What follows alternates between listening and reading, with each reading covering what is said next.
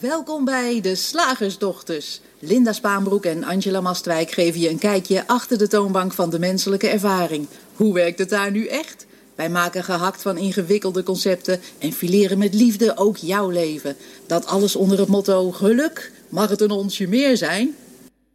Luisteraars, hier is Linda en bij mij aan de andere kant. Angela Mastwijk, hallo allemaal en welkom bij Radio Soes bij deze aflevering van Geluk in de aanbieding. En we gaan het vandaag hebben over alles krijgen wat je wilt. Leek ons een leuk thema zo aan het begin van het jaar. Waarin we misschien goede voornemens hebben gemaakt. Waarin we misschien uh, wensen hebben uitgesproken tijdens het afsteken van het vuurwerk. Je weet het niet. Alles krijgen wat je wilt, Linda. Is dat een goed idee?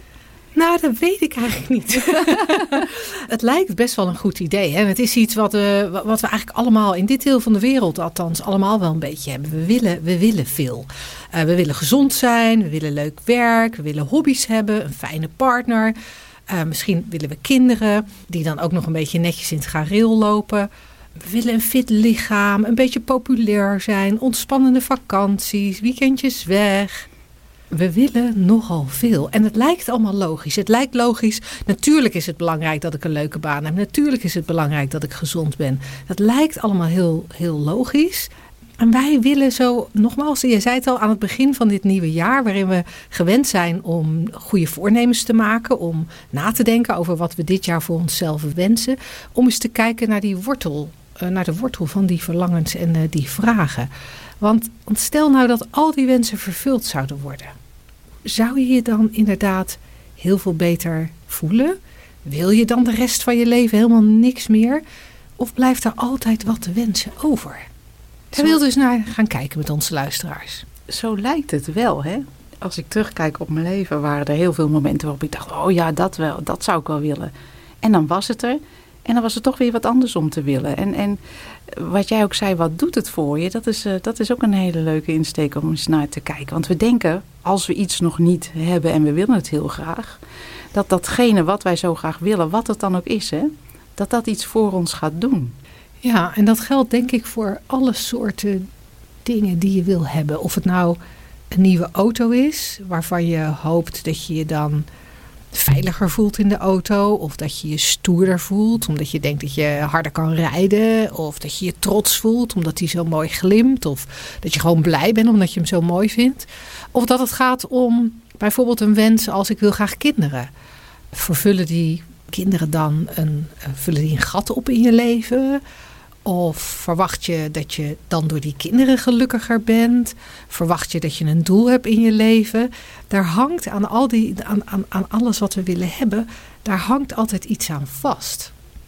En ook aan alles wat we willen zijn eigenlijk. Hè? Want we hebben het nu inderdaad over, over, over dingen buiten ons, maar ook, ook uh, de verlangens die we hebben voor onszelf. Van ik, ik zou gelukkiger willen zijn of, of gezonder willen zijn. Lijken hele logische wensen. Ja. Want als ik gezonder ben, dan.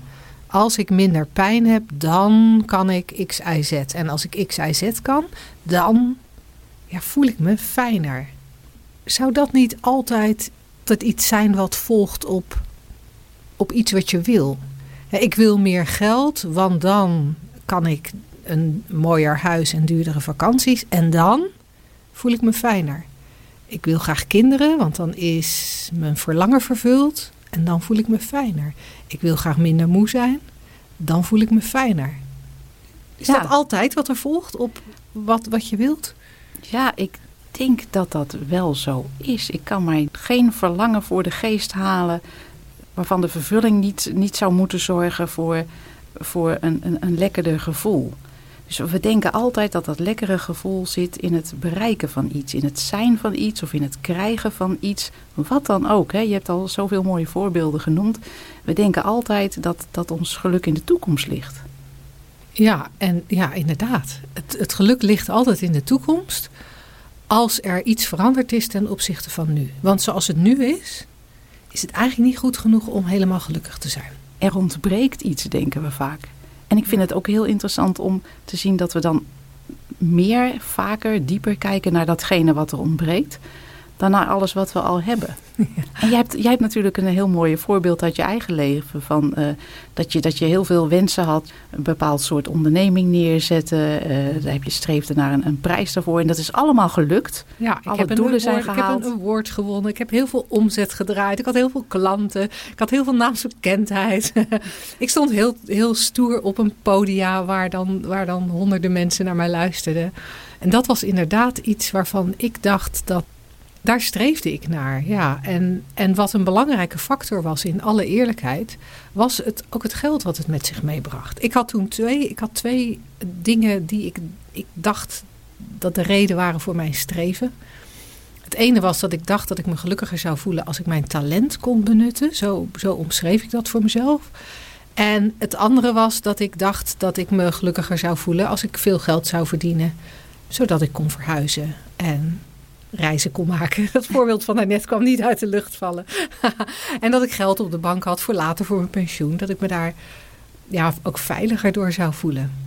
En, en lukte dat een beetje? Want, want we, we, zeiden net van, stel dat al je verlangens zouden worden vervuld. Nou, er leek enig moment te zijn waarop dat bij jou het geval was. Alle, alle wensen die je had uitgesproken, misschien op papier had gezet, waren uitgekomen. En toen was er niks meer te wensen over. Was er volmaakt geluk. ja, was het maar waar. Hè? Nou, het grappige is dat, uh, dat ik gemerkt heb dat als je dan hebt waar je naar gestreefd hebt, dat dat vijf minuten, een kwartier, misschien een paar dagen heel erg uh, fijn is. En daarna komt dat onrustige gevoel weer. Daarna komt dat gevoel weer van: ik, ik, ik moet nog iets. Zijn wij met z'n allen rupsjes nooit genoeg? Ik ben bang dat we met z'n allen rupsjes nooit genoeg zijn. Want dit is dan nu even een persoonlijk voorbeeld van mij. Uh, maar ik ken, ik ken eerlijk gezegd vrijwel niemand die dat niet op een bepaalde manier ook heeft. Ja. En de een zoekt het in hele kleine dingen. Als ik nou maar de tijd heb om een uurtje per dag te mediteren, dan voel ik me beter. Of als ik nou maar uh, lekker de tijd heb uh, om gewoon, weet je, als je geef mij een zondag om lekker een boek te lezen en dan is het leven oké.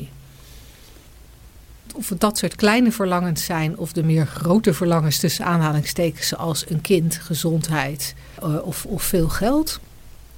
Ik, ik denk dat we rupsjes nooit genoeg zijn. Want dan heb je het geld en dan wil je wat anders. Dan heb je de energie om te doen wat je wil, omdat je gezonder bent. En dan wil je weer wat anders. Als ik zo naar je luister, denk ik misschien het geluk wat we zo denken te bereiken, door wat dan ook, die kleine dingen of die hele grote dingen, misschien is dat niet echt geluk. Misschien is dat niet echt waar we naar op zoek zijn. Nee. Misschien is er iets anders. en dat is, natuurlijk, dat is natuurlijk waar wij in deze radio-uitzendingen heel graag naar verwijzen. Dat alhoewel wij met z'n allen denken dat ons geluk en ons welzijn en ons fijn voelen, ons veilig voelen, dat dat samenhangt met dingen in onze buitenwereld, is dat niet het geval. Dus hoezeer we ook streven naar spullen of dingen, zoals een slank lijf of nou ja, dingen waarvan we denken dat we ze moeten hebben om ons beter te voelen, die zorgen geen van allen voor dat geluk en dat welzijn en de reden daarvoor is eenvoudig. Dat geluk en dat welzijn zit al lang in ons. Daar zijn we mee geboren. Dat, dat is een aangeboren innate health, zoals onze uh, leraren in, het, uh, in, in Engeland en Amerika daarnaar verwijzen. En, en dat aangeboren welzijn, dat aangeboren geluk, dat, dat diamantje wat in je zit, wat schitterend is en mooi en hard en eigenlijk niet kapot te krijgen. De enige reden waarom we dat niet zien, is omdat we heel veel gedachten hebben. Heel veel gedachten die ons eigenlijk weghouden bij die diamant die in ons zit. Die het zicht belemmeren op die diamant in ons. En stel nou dat we dat zouden kunnen zien, dat we ons echt diep realiseren van, oh ja, ik heb eigenlijk niets nodig in de buitenwereld. Ik hoef zelfs zelf niet op een bepaalde manier te zijn, hè, zelfvertrouwen te hebben of, of uh, meer lef of, of wat we dan ook uh, aan karaktereigenschappen onszelf wensen. Dat is allemaal niet nodig, want ik heb alles al wat ik wil. Dat, dat intrinsieke geluk, dat aangeboren welzijn, dat, dat geluk wat wij als slagersdochters in de aanbieding gooien elke week en hier bij Radio Soest elke maand. Stel dat we dat nou heel diep zouden kunnen zien. Zouden we dan de rest van ons leven niets meer willen? Want dat was een van de vragen die wij stelden hè, aan het begin van deze, Ja. deze radioshow. Ja. Willen we dan niks meer? Zitten we dan op de bank? Nou, ik ben gelukkig. Ik ben blijkbaar gelukkig geboren. Ik hoef niet te veranderen, want al mijn karaktereigenschappen heb ik ook maar verzonnen. Alles wat ik wens, ja, dat is hartstikke leuk. Maar daar zit mijn geluk dus blijkbaar niet in, vertelt Linda van de Slagersdochters mij net. Zouden we dan de rest van het leven eh willoos, doelloos, wensloos op de bank zitten, is de vraag. Ja, nee, dat is natuurlijk een vraag die wij, die wij vaak horen. En gelukkig is dat niet het geval. gelukkig is het zo dat we op het moment dat we contact hebben met, met dat innerlijke welzijn, met die diamanten in ons, dat we niet zozeer passief worden. Wat mijn persoonlijke ervaring is, dat er dan juist een enthousiasme en een genieten vrijkomt samenhangend met de vrijheid die het geeft. Als je niet meer al die gedachten hebt over wat moet en wat anders moet en wat niet goed is en wat je nou toch zou willen en wat niet. Als je al die gedachten niet hebt, komt er heel veel vrijheid ter beschikking. En als je vanuit dat, dat gevoel van oké zijn leeft, dan heb je vanzelf zin om dingen te doen. Mag ik stellen dat het leven dan gewoon een beetje speelser wordt? Een beetje alsof je in een grote speeltuin staat en, en weet dat je helemaal oké bent en dan denkt, ik ga schommelen. Of in een zandbak. Ja, En vandaag heb ik onwijs veel zin in zandkastelen. Maar ik weet niet zeker hoe lang. Misschien dat ik er over een uurtje mee stop en dat ik dan tunnels ga graven. ja. En, en, en misschien lukt dat zandkasteel, wordt het echt helemaal precies wat ik in mijn gedachten had. Maar misschien ook niet, of heb ik zin om het kapot te stampen na, na een eh, halverwege, na, na een half uurtje taart, eh, taartjes bakken en, eh, en kanteeltjes knutselen. Ja. Want de uitkomst maakt dan niet meer zo heel veel uit. Hè? Als je ziet dat, dat het welzijn al in je zit. Jij zei al terecht, ja, dan, wordt, dan, dan komt er een soort enthousiasme van... oh, wat zal ik eens gaan doen? Vanuit dat welzijn. Niet om iets te bereiken om je beter te voelen. Want je voelde je al goed. Dat, dat is je geboorterecht. Maar de uitkomst van wat je doet, van wat je onderneemt... wordt een stuk minder belangrijk. Omdat je er niks aan ophangt, denk ik. ja, en dat is natuurlijk het interessante wat wij in ons leven zien. Naarmate we meer en meer in deze richting kijken. Dat wij nog steeds dingen doen. We, we zitten hier een radioshow te doen. We hebben een bedrijf, Shift Academy. We hebben een boek geschreven in, eh, in, in vijf dagen tijd. Dus er komt nog steeds van alles uit ons handen. Maar de energie waarmee we het doen is heel anders. En, en ik denk dat dat, als ik heel erg naar onszelf kijk, dat boek is er niet gekomen omdat wij dachten dat wij van dat boek gelukkiger zouden worden. Of dat dat boek ons iets zou opleveren waarvan we denken dat het ons gelukkiger zou maken. We hebben het boek geschreven vanuit die energie. We zijn oké, maar we Ja. hebben wel zin om in de zandbak te spelen. Een, een beetje zoals, eh, zoals Pippi vroeger in de serie. Hè? Van, Ja. Nou, ik heb dat nog nooit gedaan, dus ik, ik denk dat ik het wel kan. Ja, ja. En dan beginnen en maar zien waar je uitkomt. En toevallig is dat boek ons eh, gelukt in vijf werkdagen. Vonden wij erg grappig. ja. En eh, misschien mogen we de titel noemen. Het heet eh, Het mag ook makkelijk. Het mag ook makkelijk, omdat het leven gewoon makkelijk mag volgens, eh, volgens ons.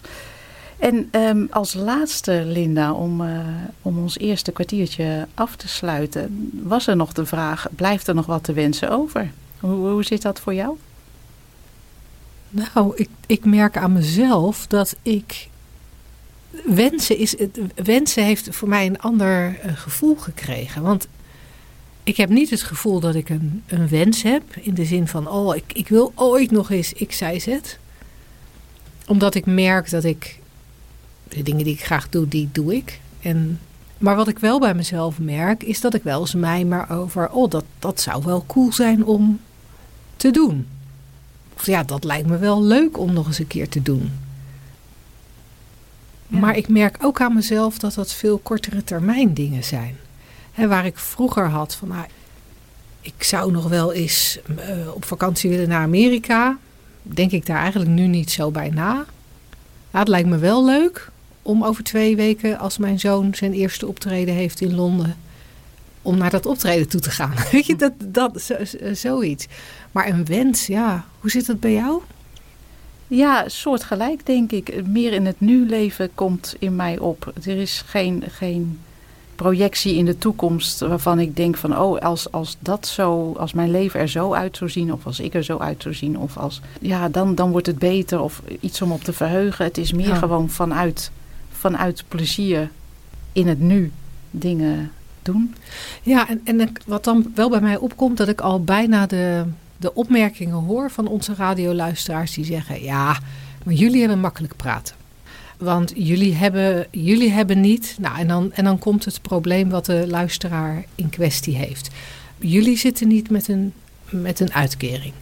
Of jullie hebben niet net je baan verloren. Of jullie hebben geen slechte relatie. Of jullie hebben. Nou, noem maar op waar onze luisteraars mee kunnen, kunnen worstelen. Kan je daar nog iets over zeggen? wij zeggen het mag ook makkelijk. Maar dat kan ook zo makkelijk klinken voor iemand die echt echt het gevoel heeft: ja maar, ik zit hier met dit probleem. Dit is een echt probleem. Ja, dat, dat is heel, heel begrijpelijk en die reacties die krijgen we ook wel. En dan zou ik um, zo'n vragensteller willen uitnodigen om eens, om eens hier naar te kijken. Je hebt net ons verhaal gehoord over hoe je geluk niet in doelen zit en in het behalen van, uh, uh, of in het vervullen van je wens of in het behalen van doelen. Maar op diezelfde manier zit je ongeluk ook niet in een, in een situatie die nu voor je ligt. En ook in die omstandigheden, in welke omstandigheid dan ook, zit dat aangeboren geluk in je, dat, dat welzijn. En van daaruit bekeken wordt het vaak ook duidelijker, makkelijker om de oplossing te zien, om een uitweg te vinden. En soms is er ook helemaal niks te doen. Dus ik zou willen zeggen, kijk dan eens naar hoe het, hoe het leven werkt van binnen naar buiten. Als je geluk nergens in zit, zit je ongeluk dus ook nergens in. En dat is, uh, ik denk voor nu genoeg. Hartstikke leuk, dankjewel. Dan uh, gaan wij over naar het volgende onderwerp. Slagersdochters, wat zit er in de leverworst? Oftewel, tijd voor wat wetenschap.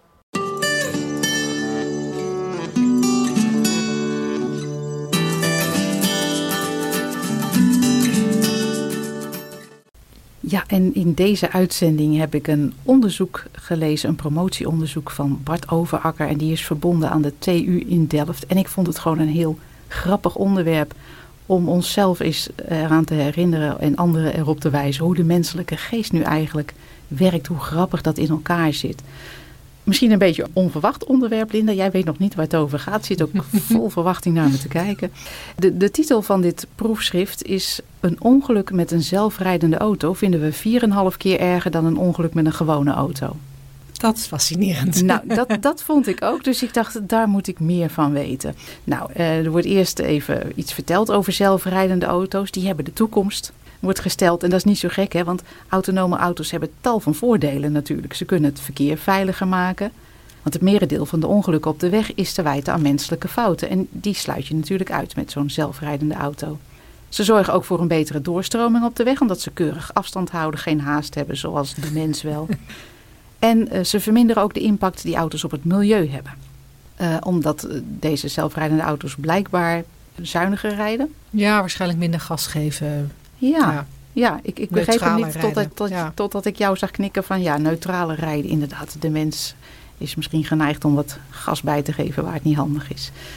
Nou, dat klinkt natuurlijk te mooi om waar te zijn, zelfrijdende auto's. Ze zijn dan ook niet perfect. Een technische fout hoort altijd tot de mogelijkheden.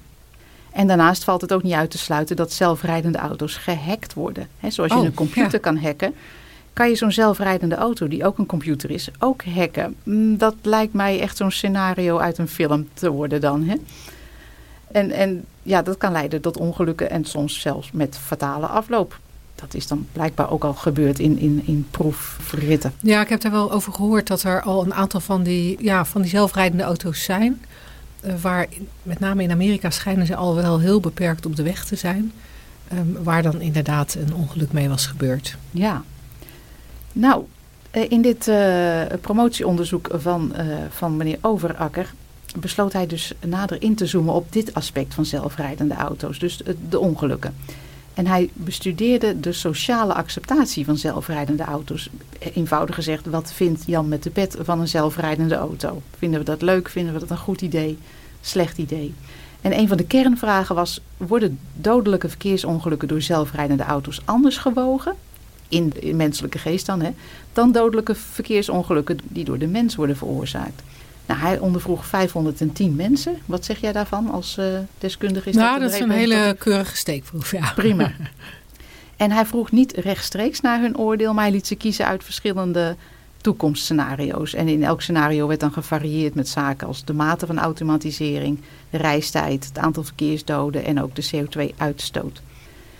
En met behulp van de statistische analyse kon dan worden vastgesteld hoe zwaar elk aspect voor de ondervraagde woog. En de eerste algemene conclusie was dat 65% van de mensen vindt dat een systeem met zelfrijdende auto's de voorkeur dient boven het huidige transportsysteem.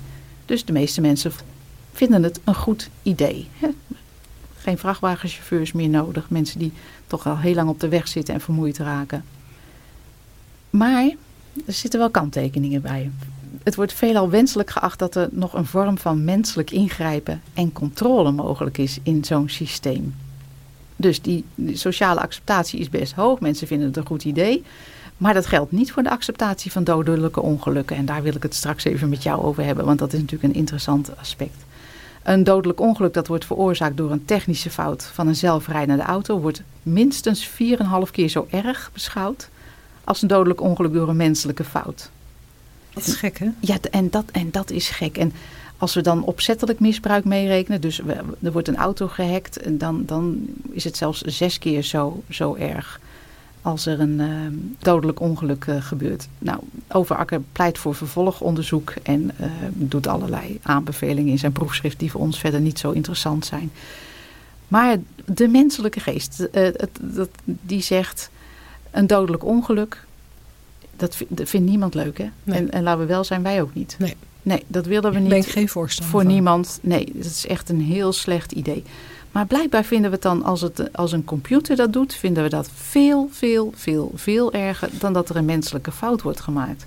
En dat is natuurlijk uh, in, interessant voor ons. Ja, waar ik allereerst aan moet denken, en dat is, het is net een beetje zijdelings uh, van, uh, van, van waar je op aanstuurt, is dat we in de luchtvaart natuurlijk al veel langer met dit fenomeen werken. Daar is al heel lang sprake van de automatische piloot. En, en vliegtuigen kunnen ook uh, gewoon uh, opstijgen en landen op de automatische piloot. Maar dan zit er wel altijd nog een piloot, ook achter die knoppen, die meekijkt. maar ik weet dat het op zich helemaal niet nodig is dat de piloot zelf landt. Hij vindt het wel leuk om te doen vaak, of hij of zij vindt het wel leuk om te doen, maar het hoeft in de meeste gevallen helemaal niet. Dus we, dus, dus we kennen dat wel al, dat automatisme. Maar inderdaad, ook daar, en daarom begon ik erover, willen wij wel graag dat er een mens zit die controleert of de machine het goed doet. En het grappige is dat een mens eigenlijk minder factoren kan overzien en exact meten dan de machine.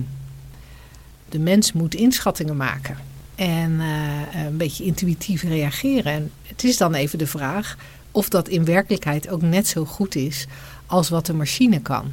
Maar goed, we vertrouwen die machine niet. Wat op zich interessant is. Want in de luchtvaart zie je ook dat er mensen zijn die in een vliegtuig stappen en de piloot niet vertrouwen. En dus de hele vlucht heel bang zijn. Of zelfs zoveel angst ontwikkelen voor vliegen dat ze niet in het vliegtuig stappen. Want ja, uh, weten zij veel of de piloot wel uh, oké is, of hij het goed kan, of hij gezond blijft. Uh, of, hij zijn diploma wel of heeft. zijn diploma wel heeft. En als hij zijn diploma heeft, of het wel uh, kort genoeg uh, geleden is, uh, of lang genoeg geleden is dat hij het gehaald heeft, net waar jouw angst zit. En dan zie je, tenminste als ik daarover doormijmer, meen ik te zien dat het eigenlijk gaat over controle. Het gaat niet over de machine of de mens. Het gaat over de perceptie van controle. Het idee dat je controle hebt. Leuke gedachte is dat, hè? Dat we controle ergens over hebben. En dat we dat in ieder geval willen hebben. Ja. En wij denken dat als we het nou maar, als we het nou maar zelf doen, dan gaat het beter. Ja. En terwijl als je er heel wetenschappelijk sec naar kijkt, is er geen computer met een slechte bui. Waar de mens nog wel eens uh, uh, bezig kan zijn in zijn hoofd met een, met een ziek kind, een, een, een, eh, een zieke oude, ik, ik noem maar even wat, eh, wat, wat zaken. En daardoor volledig afgeleid kan zijn van wat hij op dat moment te doen heeft, vliegen of autorijden. Ja. En dus je zou zeggen, ja, laten we dat, uh, dat soort routinematig handelen aan, aan computers overlaten. Ik vind het heel interessant dat we hebben het dus over dodelijke ongelukken. Wil niemand, daar waren we het al over eens. Maar het gebeurt wel. Dus als we dan kijken naar zo'n feit, er is een ongeluk gebeurd, er is iemand bij, bij omgekomen. En dan gaat onze mening daarover heen. Dan is het dus erger als een machine dat heeft gedaan dan een, dan een mens. En, en dat vind ik zo interessant. We, we denken als mens uh, een, een dader te moeten aanwijzen. En dan vinden we, wat eigenlijk volkomen irrationeel is, dat een, een mens een minder erge dader is dan een computer. Of we vinden dat de computer iets beter moet kunnen dan de mens. Ja, blijkbaar, als ik er zo over zit te filosoferen. Want ik, ik, ik zit terug te denken aan een auto-ongeluk dat ik zelf uh, jaren terug had. Als ik daaraan terugdenk, ik zat in een taxi en die is frontaal op een vrachtwagen ingereden. Dus het was wel echt een heel uh, naar ongeluk. En, uh, want er zijn gradaties in. Vinden wij. Vinden wij. En dan, en dan inderdaad merk ik aan mezelf dat als ik daarover aan terugdenk, dat ik denk, ja, het was ontzettend dom van die taxichauffeur. Het was ook nog een taxichauffeur die ook in de dagen daarvoor allerlei fouten had gemaakt. Dus je kan je echt afvragen of die taxichauffeur überhaupt, überhaupt wel uh, um, taxichauffeur zou mogen zijn. Het was in India. Misschien dat ze daar verder ook geen uh, regulering hebben over taxichauffeurs. Ik vermoed van niet. Sowieso geen verkeersregels, uh, dacht ik, uh, gezien dus, te hebben. Ja, dus, dus uh, het zou best kunnen zijn dat die man eigenlijk helemaal niet bekwaam was om auto te rijden. En dan constateer je dat als in dit geval slachtoffer. En, en dan baal je daarvan. En ik merk aan mezelf dat ik dan geneigd ben om te denken... maar ja, een mens kan altijd een fout maken en een machine... die hoort geen fout te maken. Een machine hoort het gewoon altijd goed te doen. Heb jij dat ook niet met je computer? Ja, die moet dat het als ook je altijd doen. computer dan iets doet wat je niet verwacht. Dat je denkt, hey, hey, hey, hey. daar heb ik jou niet voor aangenomen. Daar heb ik jou niet voor betaald, jongeman. uh, ja, dat is heel interessant. Terwijl computers natuurlijk net zo goed door mensen gemaakt zijn. En, en ook um, nou ja, foutjes kunnen, kunnen hebben in de programmering. Net zoals Ja. de mens wel eens afgeleid is.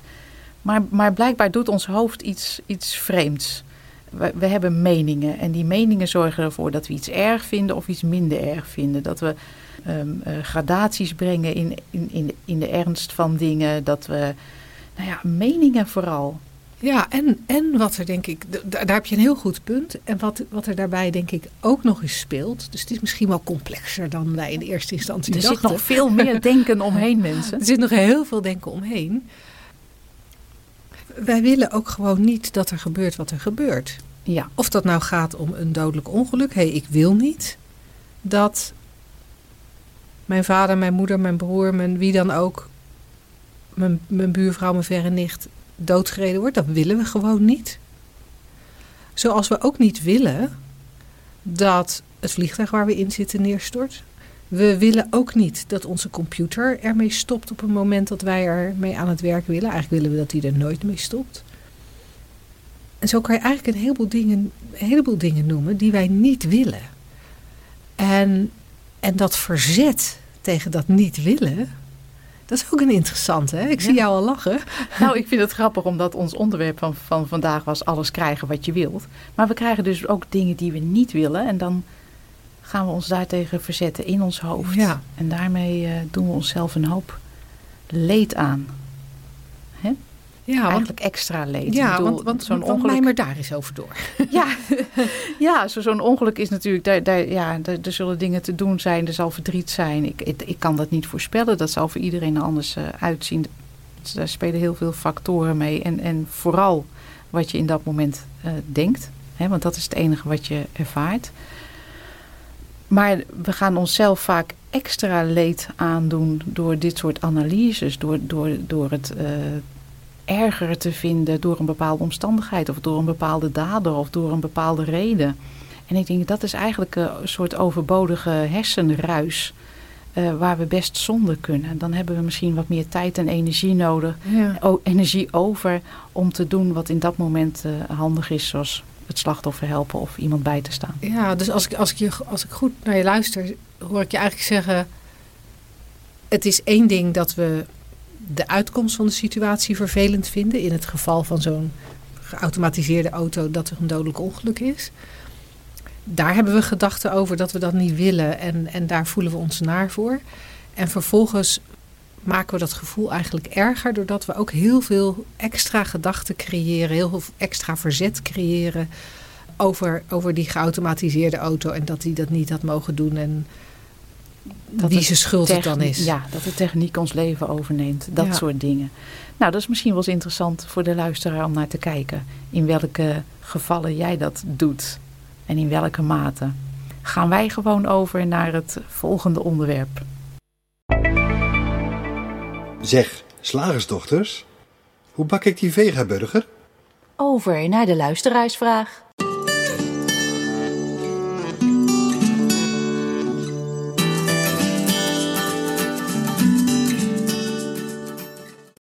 Zo, dan gaan wij weer verder met de luisteraarsvraag. Ja, en vandaag hebben we een, uh, vandaag hebben we een vraag van Sietske. En uh, Sietske zegt of vraagt: uh, Hoi Linda en Angela, ik heb een vraagje voor jullie. Hoe staan jullie tegenover dromen? Iedereen doet het, niet iedereen herinnert zich alles. Dromen lijken, lijken buiten de wil om te gaan van de wakkere ik. Alhoewel je in de droom toch ook wel duidelijk een wil kan hebben. Wat ik mij afvroeg, zoals jullie met de drie principles bezig zijn, doen jullie dat ook in je dromen? Of werkt dat daar voor jullie gevoel in door? Hmm, interessante vraag. Dromen. Ik, uh, ik, ik moet zeggen, ik heb al jaren, ik wou bijna zeggen, heb ik geen dromen, maar ik heb natuurlijk wel dromen, want, want, want iedereen droomt. Alleen ik herinner me ze niet meer als ik, als ik wakker word. Dat, dat, dat komt nog maar heel zelden voor. Maar ik vind het uh, in eerste instantie even belangrijk om te kijken naar de uitgangspunt van deze vraag. Uh, er staat, jullie zijn met 3P bezig. Dat zeggen wij misschien zelf ook wel eens. He, wij, wij uh, geven dan de voorkeur aan de term, wij kijken deze richting op van de Three Principles. Mensen die daarin geïnteresseerd zijn, moeten maar eens uh, even googlen op ons. Dan, uh, dan vind, je dat, vind je die uitgangspunten. Ja, want we hebben ook een heel leuk gratis e-book op onze website. Ja.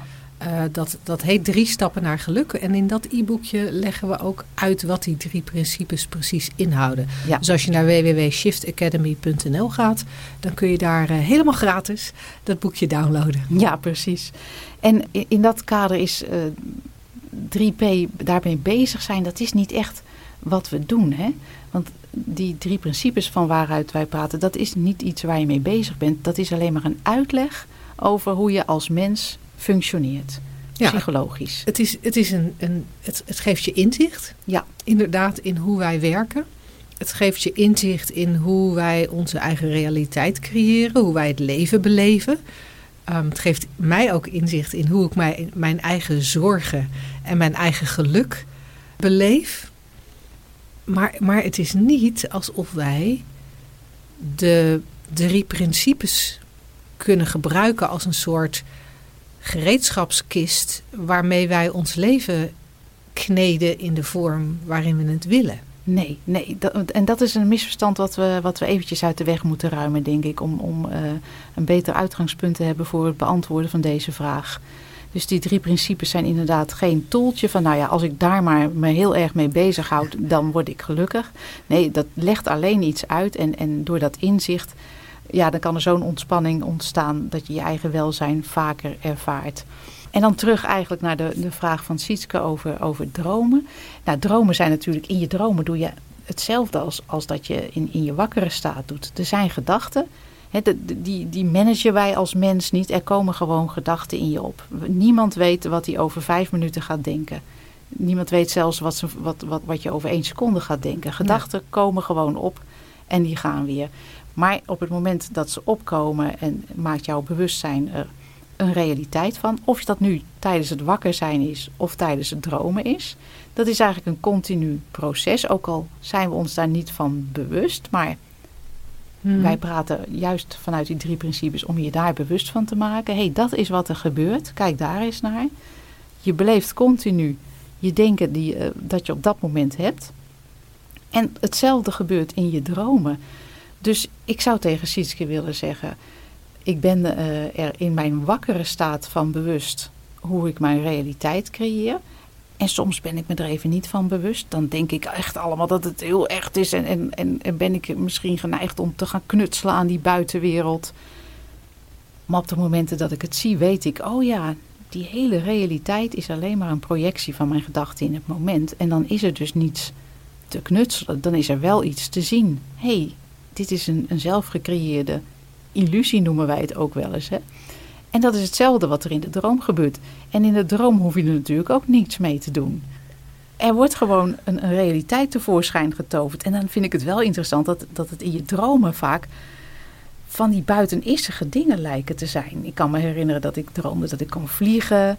En uh, of, of je, je loopt je vast in, in, een, in een stad uh, en, en komt met geen mogelijkheid vooruit. Terwijl je in je wakkere leven nou zeker weet dat als je drie stappen zet, dat je toch echt drie stappen vooruit komt. Dus, dus het lijkt alsof je gedachten in dromen in je dromen een soort vrijere loop hebben of een soort grotere, groter bereik hebben, omdat daar dingen gebeuren die je in je wakkere staat niet bedenkt. En dat bedoel ik letterlijk. houdt. Ja. Voor onmogelijk houdt, ja. En niet bedenkt. Nou, wat ik het interessante vind aan Sietskes vragen, dat zij...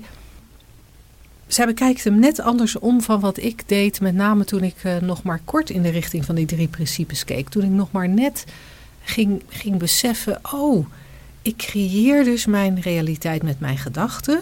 Ik voel eigenlijk altijd alleen maar wat ik denk. En doordat mijn zintuigen als een soort special effects department functioneren, komt er gevoel bij en, en ga ik misschien zweten of krijg ik buikpijn of hoofdpijn of wat er dan ook gebeurt.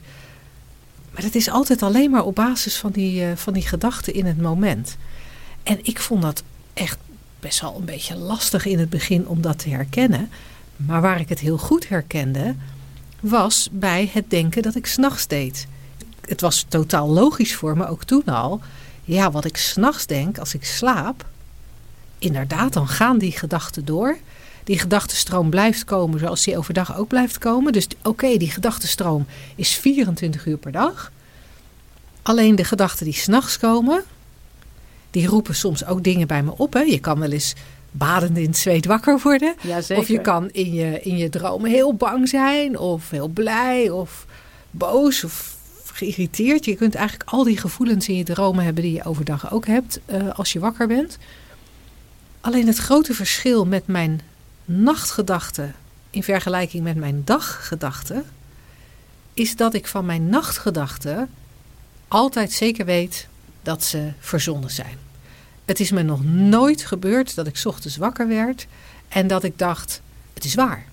Wat ik wel eens heb gehad, was in de tijd dat ik nog getrouwd was, dat ik gedroomd had dat mijn echtgenoot overleden was. En toen werd ik wakker en ik was zo boos dat hij dood gegaan was.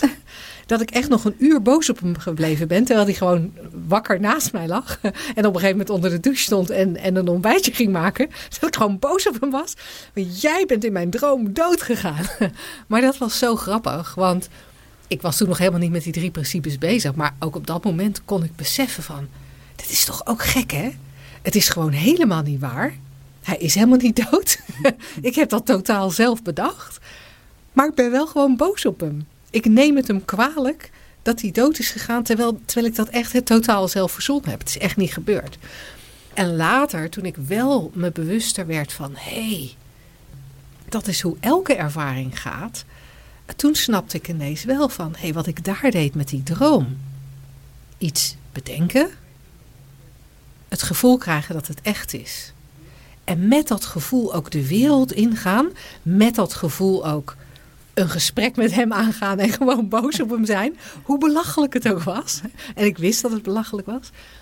Dat doen we eigenlijk altijd. We hebben een gedachte.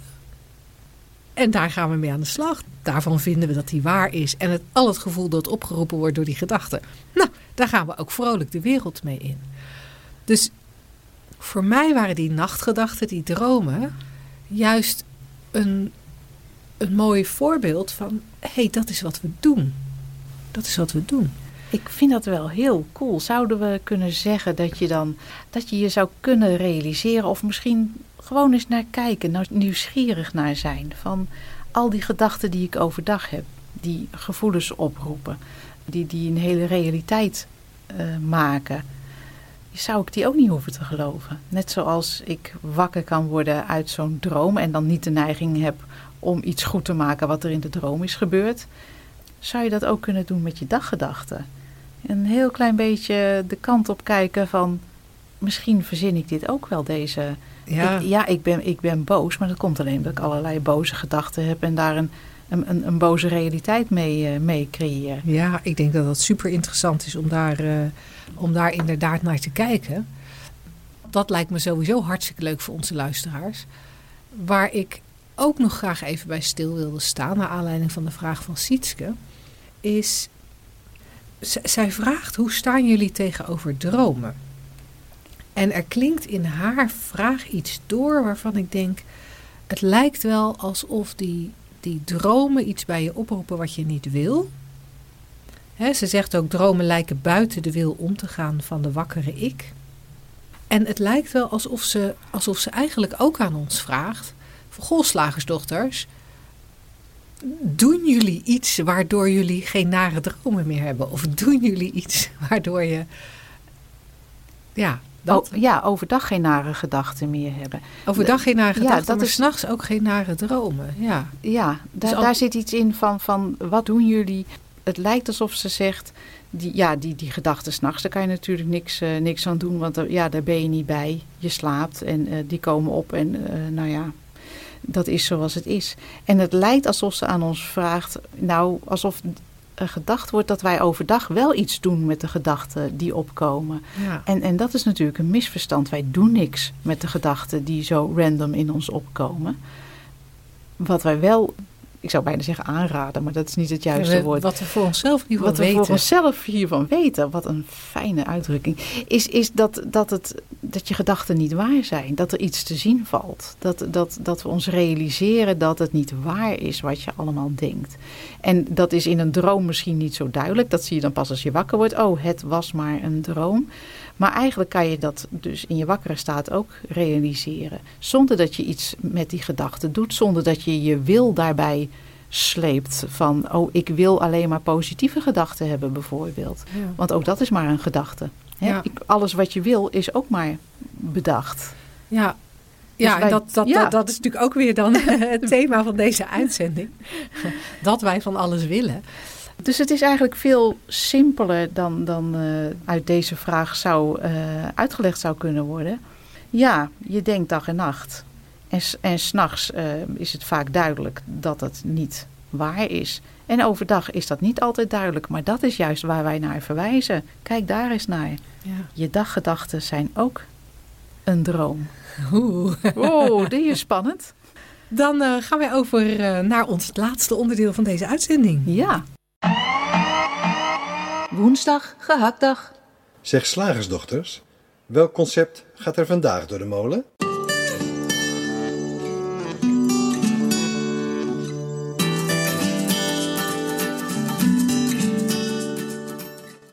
Het concept van deze uitzending, Linda. Kinderen worden sterk van tegenslag. Jeetje. Dat vonden we nou eens een mooi concept. Je moet een beetje tegenslag in je leven hebben, want anders blijf je een slap kindje. Zonder wrijving geen glans. Tegenslag, daar word je hard van, zeiden wij vroeger in Utrecht altijd. Wat er ook gebeurde, nou ja, daar word je hard van. In het Engels heb je ook daar zo'n mooie uitdrukking uh, voor. What doesn't kill you makes you stronger. Oh ja.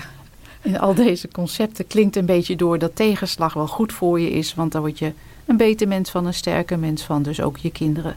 Zou dit dan ook impliceren dat je expres voor wat tegenslag moet zorgen bij je kind? Dat als het een mooi torentje bouwt, dat jij hem even stiekem omgooit, want dan wordt, hij zo, wordt het zo'n sterk kindje nou van. Ja, ik lach erom, maar ik weet, ik weet dat er mensen zijn die dat doen. Ik, ik ken mensen die, die, die zo opgevoed zijn. Echt? Ja. Oh. Ja, ook, ook ouders die, die dan kwam het kindje met een tekening en die dan gewoon keihard hun mening gaven alsof het kind hen een, een kunstwerk van Rembrandt voorlegde. En dat ook langs die maatstaaf beoordeelde. Nou nee, dit is dus niks. Nee, nee, zo teken je helemaal geen poppetje. Ach. Nee, Het is een leuke poging, maar het is hem niet hoor. Mijn, mijn slagersvader deed dat dan misschien heel subtiel. Die, alles wat hij in zijn handen kreeg, dat ging gewoon kapot. En dan had je op school een mooie asbak gekleid. En dan zei mijn vader met zijn grote slagershanden, laten eens even kijken. En dan, oh, dan lag je alweer in Oh, tweeën. Als je hem gaf al. Ja, als je hem gaf al. Dus wij, wij, wij leerden op een gegeven moment ook van... eh, papa, even kijken, maar met je handen op je rug. En misschien was dat ook een soort verkapte poging, denk ik nu... als ik dit concept zo lees, om ons te leren omgaan met tegenslag. Ik kan het hem helaas niet meer vragen, maar het zou zomaar kunnen. Ja, ja. En dit, dit soort ideeën gaan ervan uit dat je sterker moet worden dan je nu bent. Ja. En dat daar iets voor nodig is. En daar hebben wij toch een iets andere kijk op. Want het, het, het, het lijkt alsof kinderen aan de hand van dit concept dan eh, heel zwak worden geboren. eh, dat ze niks aankunnen. En, en dat ze in deze wereld eh, lesjes moeten leren. Waardoor ze de wereld wel aankunnen. En volgens mij hebben Omdat wij de daar... wereld heel hard is. Omdat de wereld heel hard is. Ja, ja. Wat vind jij daarvan? Ja, ik, ik, ik, ik kijk- bekijk het liever heel, eh, van, een- van een heel andere invalshoek. Zoals wij eh, in het eerste deel van deze uitzending al, eh, al zeiden, wordt ieder mens geboren met, met innerlijk welzijn. Nou, jij noemde het zelfs een diamant. En als we ons een diamant voorstellen, dat is keihard. Het heeft allerlei prachtige facetten. Daar is geen krasje op te krijgen. Daar, daar, kan, je niks, daar, daar, kan niks kapot aan. En en dat is hoe wij zien hoe de mens innerlijk, eh, wat de mens innerlijk tot zijn beschikking heeft. Een, een kern die, die onbeschadigbaar is, waar, waar, waar niets en niemand bij kan, eh, eh, waar niets aan af te dingen valt. En, en wat voor ieder mens ook hetzelfde is. Je wordt allemaal geboren als helemaal heel. En dat is sterk genoeg. Dus ik denk, ja, tegenslag is gewoon is, is wat er gebeurt. Het is eigenlijk maar een interpretatie van ons van wat er gebeurt. Hè. Er gebeurt iets wat we niet willen. Hebben we ook al eerder over gehad dit uurtje. Er gebeurt iets, wij zeggen ik, ik wil dit niet en dan noemen we het tegenslag. Ja. Omdat het iets is waarvan wij denken dat het niet gewenst was. Mijn zandkasteel is niet gelukt. Nu heb ik tegenslag. Ja, er is iemand op gaan staan. Wat een tegenslag. En daar zouden we dan sterk eh, van moeten worden. Daar zouden we, eh, het, het, het impliceert ook zoiets van dat we met dingen om moeten gaan. Maar zoals wij er naar kijken, is, is ja, alles wat je voelt, ook teleurstelling omdat er iets niet gaat zoals, het, eh, zoals jij gewenst hebt, is, is slechts een gedachte in het moment. En daar word je niet sterker van, daar word je ook niet zwakker van. Het is gewoon een ervaring. En hoe zit, hoe zit dat dan met al die kinderen die. Een, een kind lijkt altijd tegenslag tegen te, eh, tegen te komen. Ja, En als ik naar jou luister, denk ik van: oké, een, een kind wordt dus niet zo, wordt misschien niet zozeer sterk van tegenslag. Maar het geeft hem wel de gelegenheid om te wennen aan het feit dat niet alle- alles gaat zoals hij graag wil. ja, Wat me daar ook weer op, op brengt, dat als een kind heel klein is, echt heel klein, en zo'n babytje dat net een beetje, een beetje gaat lopen of eh, voor het eerst een speeltje in zijn handen heeft en dat dan per ongeluk beet heeft, geen idee heeft hoe hij zijn knuisje weer los kan krijgen om dat wat hij in zijn handjes heeft los te laten. En eigenlijk ook niet weet hoe hij dat dan hoe die dat dan kan bewegen. En die ziet dan wel ineens zo voor zijn oogjes een speeltje voorbij gaan. Maar heeft geen idee dat hij het met zijn eigen handje doet. Je ziet dat bij hele kleine kinderen, ook als ze bijvoorbeeld gaan lopen of als ze gaan staan, dat er wel een bepaalde frustratie kan, kan ontstaan. Ook bij hele jonge kinderen al. Op een leeftijd waarvan je denkt, die, die, die denken nog niet echt. Die hebben nog geen concepten over, ik hoor dit te kunnen. Uh, of als ik dit nu niet doe, dan wordt mijn moeder boos. Of als ik dit nu niet doe, dan ben ik niet net zo snel als uh, Marietje van de buren. Uh, vergelijken en dat nadenken over dingen is er helemaal niet. En toch, toch heb ik bij mijn eigen kinderen, toen ze heel jong waren, wel frustratie gezien. Omdat iets niet lukte. En dat zou je kunnen zien als tegenslag waar kinderen hard van worden of waar ze sterker van worden. En tegelijkertijd zit daar ook iets in waar ik graag even naar wilde kijken. En het is misschien een heel klein beetje off, uh, off topic, maar we hebben nog uh, acht minuten, dus ik dacht dat moet kunnen. Dat ja, daar, daar, daar een, een kind ervaart een bepaalde frustratie als als dat lopen niet lukt, als die weer, weer op zijn kontje zakt. En wij pakken dat als ouders direct op als tegenslag. Wij geven dat een label. En wij, wij, wij geven ook het gedrag wat er dan bij het kind te zien is. Het even gaan huilen of het even boos zijn, geven we ook een label. En we hebben een oordeel over die emotie die dat kind in dat moment voelt. Want we willen als ouders, maar eigenlijk accepteren we als ouders, als je er heel goed naar kijkt, niet zo heel erg dat ons kind een ongemakkelijk gevoel heeft. We willen niet dat ons kind gefrustreerd is. Dus als het lopen niet lukt, pakken we hem op, zetten we hem op zijn voetjes en helpen we hem om te lopen. Terwijl we ook ervoor zouden kunnen kiezen om het kind even te laten met de frustratie die hij heeft, met het gevoel wat hij in dat moment heeft. En, en bij zo'n heel klein kind kan je nog niet echt goed zien van wat zit daar dan, wat voor een gedachte ligt er aan ten grondslag. Maar we kunnen wel zien, hé, hey, hij, is, hij, hij heeft even een ongemakkelijk gevoel. En als we dat zouden kunnen laten, en, en we zouden dat altijd voor ons kind kunnen laten. Ja, ik denk dat je ze daarmee een hele mooie boodschap meegeeft. Een soort leidraad voor het leven. Dat, dat ongemakkelijke gevoelens niet erg zijn. Dat die niet gesust hoeven te worden. Dat er niks aan gedaan hoeft te worden. Dat, daar, dat je daar niet direct iets of iemand bij nodig hebt om er overheen te komen. En als je het ook laat, zoals jij beschrijft, dan zie je ook dat, dat die frustratie ook weer vanzelf weggaat. Dat, dat het verdriet ook weer vanzelf weggaat. En wat zou het mooi zijn als we dat op die hele jonge leeftijd al zouden kunnen zien. Dat ja, een mens denkt en voelt. Dat is een, een continu proces. En dat is niet erg. En je hoeft niet gesust te worden bij ehm, je frustratie hoeft niets mee gedaan te worden. Want ik denk dat daar ook, uh, omdat we dat vaak wel doen. Jij zei al, we hebben als ouders een hele lage tolerantiegraad voor ongemak van onze kinderen. Maar als we, dat, als we onze kinderen zouden kunnen laten merken, gewoon door aanwezig te zijn en, en te weten hoe het systeem werkt. En, en te weten van ons kind dat het heel is, ook in al zijn frustratie en in al zijn ongemak. Dan kan zo'n kind zelf ontdekken, ja, gevoelens, niet erg. Die gaan ook weer voorbij. Ik heb niemand nodig. En dat zou wel eens een hele mooie basis kunnen zijn om later niet bij een ongemakkelijk gevoel een sigaret te grijpen. Ja, want we hebben, natuurlijk, we hebben wel eens eerder een uitzending gedaan over uh, uh, de wortel van alle verslaving, hadden we dat toen genoemd. En daar wezen we eigenlijk ook in deze richting. Dat juist het niet accepteren van een ongemakkelijk gevoel, dat, dat weg willen hebben, of er dan anders een reden voor verzinnen. Ja, het is goed dat het kind gefrustreerd is, want daar wordt hij hard van. Het moet ergens nuttig voor zijn. Uh, maar als we zouden accepteren van het, dat, dat ongemakkelijke gevoel, het, is, het hoeft niet weg. Maar het is ook niet per se nuttig. Nee. Het is er gewoon. Het is. En als, we dat, als dat er mag zijn, als we er niet bang voor zijn en als we ons kind ook kunnen leren dat je daar niet bang voor hoeft te zijn, dan is waarschijnlijk op latere leeftijd ook veel minder de behoefte uh, om, om steeds maar te vechten tegen dat ongemakkelijke gevoel. Want als je kijkt naar jezelf als volwassene, en dan heb ik het niet zozeer over jou, Angela, maar dan spreek ik meer onze luisteraars even aan. Als je kijkt naar jezelf, hoe vaak is het niet dat je een ongemakkelijk gevoel hebt? Zo'n zo'n onrustje in je, zo'n angstje in je. Vaak, vaak registreren we het niet eens als zodanig. Uh, hebben we het niet eens zo door. Maar, maar komen we al in beweging om daar iets aan te doen? Gaan we, gaan we al, gaat onze denktrein al aan over wat dat gevoelentje betekent?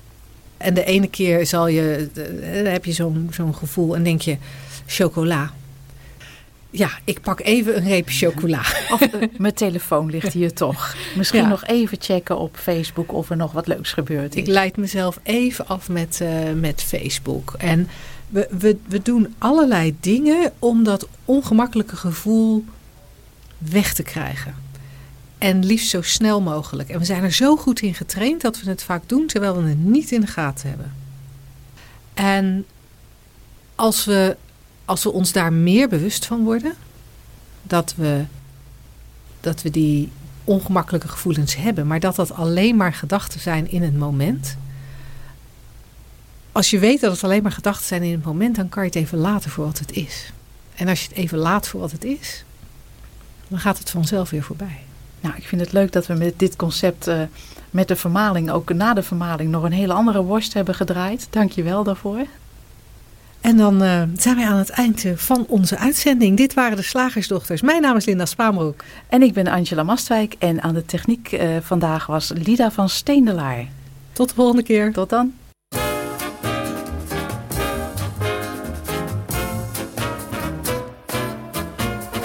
Wat een geluk dat ik een stukje van de wereld ben. Dat ik de weesjes van de zeisjes en de wereld ken. En dat ik mee mag doen met al wat leeft. En mee mag ademen met al wat adem heeft.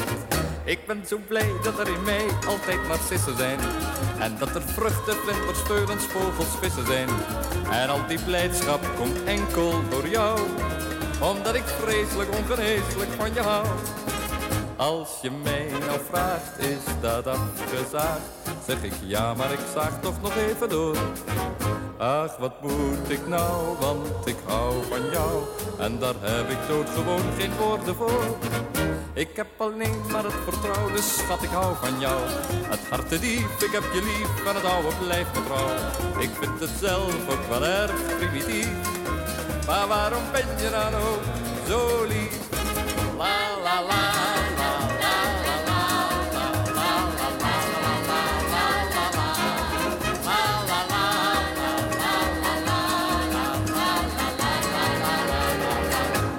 Een geluk dat ik een stukje van de wereld ben.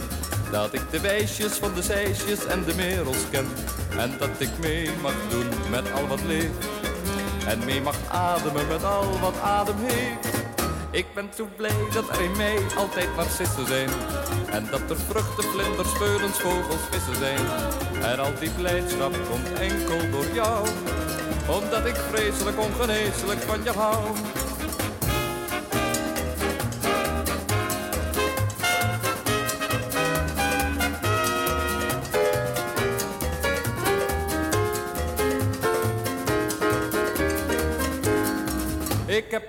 Maar het vertrouwen, dus schat, ik hou van jou. Het hart diep, ik heb je lief en het oude blijft me trouw. Ik vind het zelf ook wel erg primitief. Maar waarom ben je dan ook, oh waarom ben je dan ook, oh waarom ben je dan ook zo lief? La la la.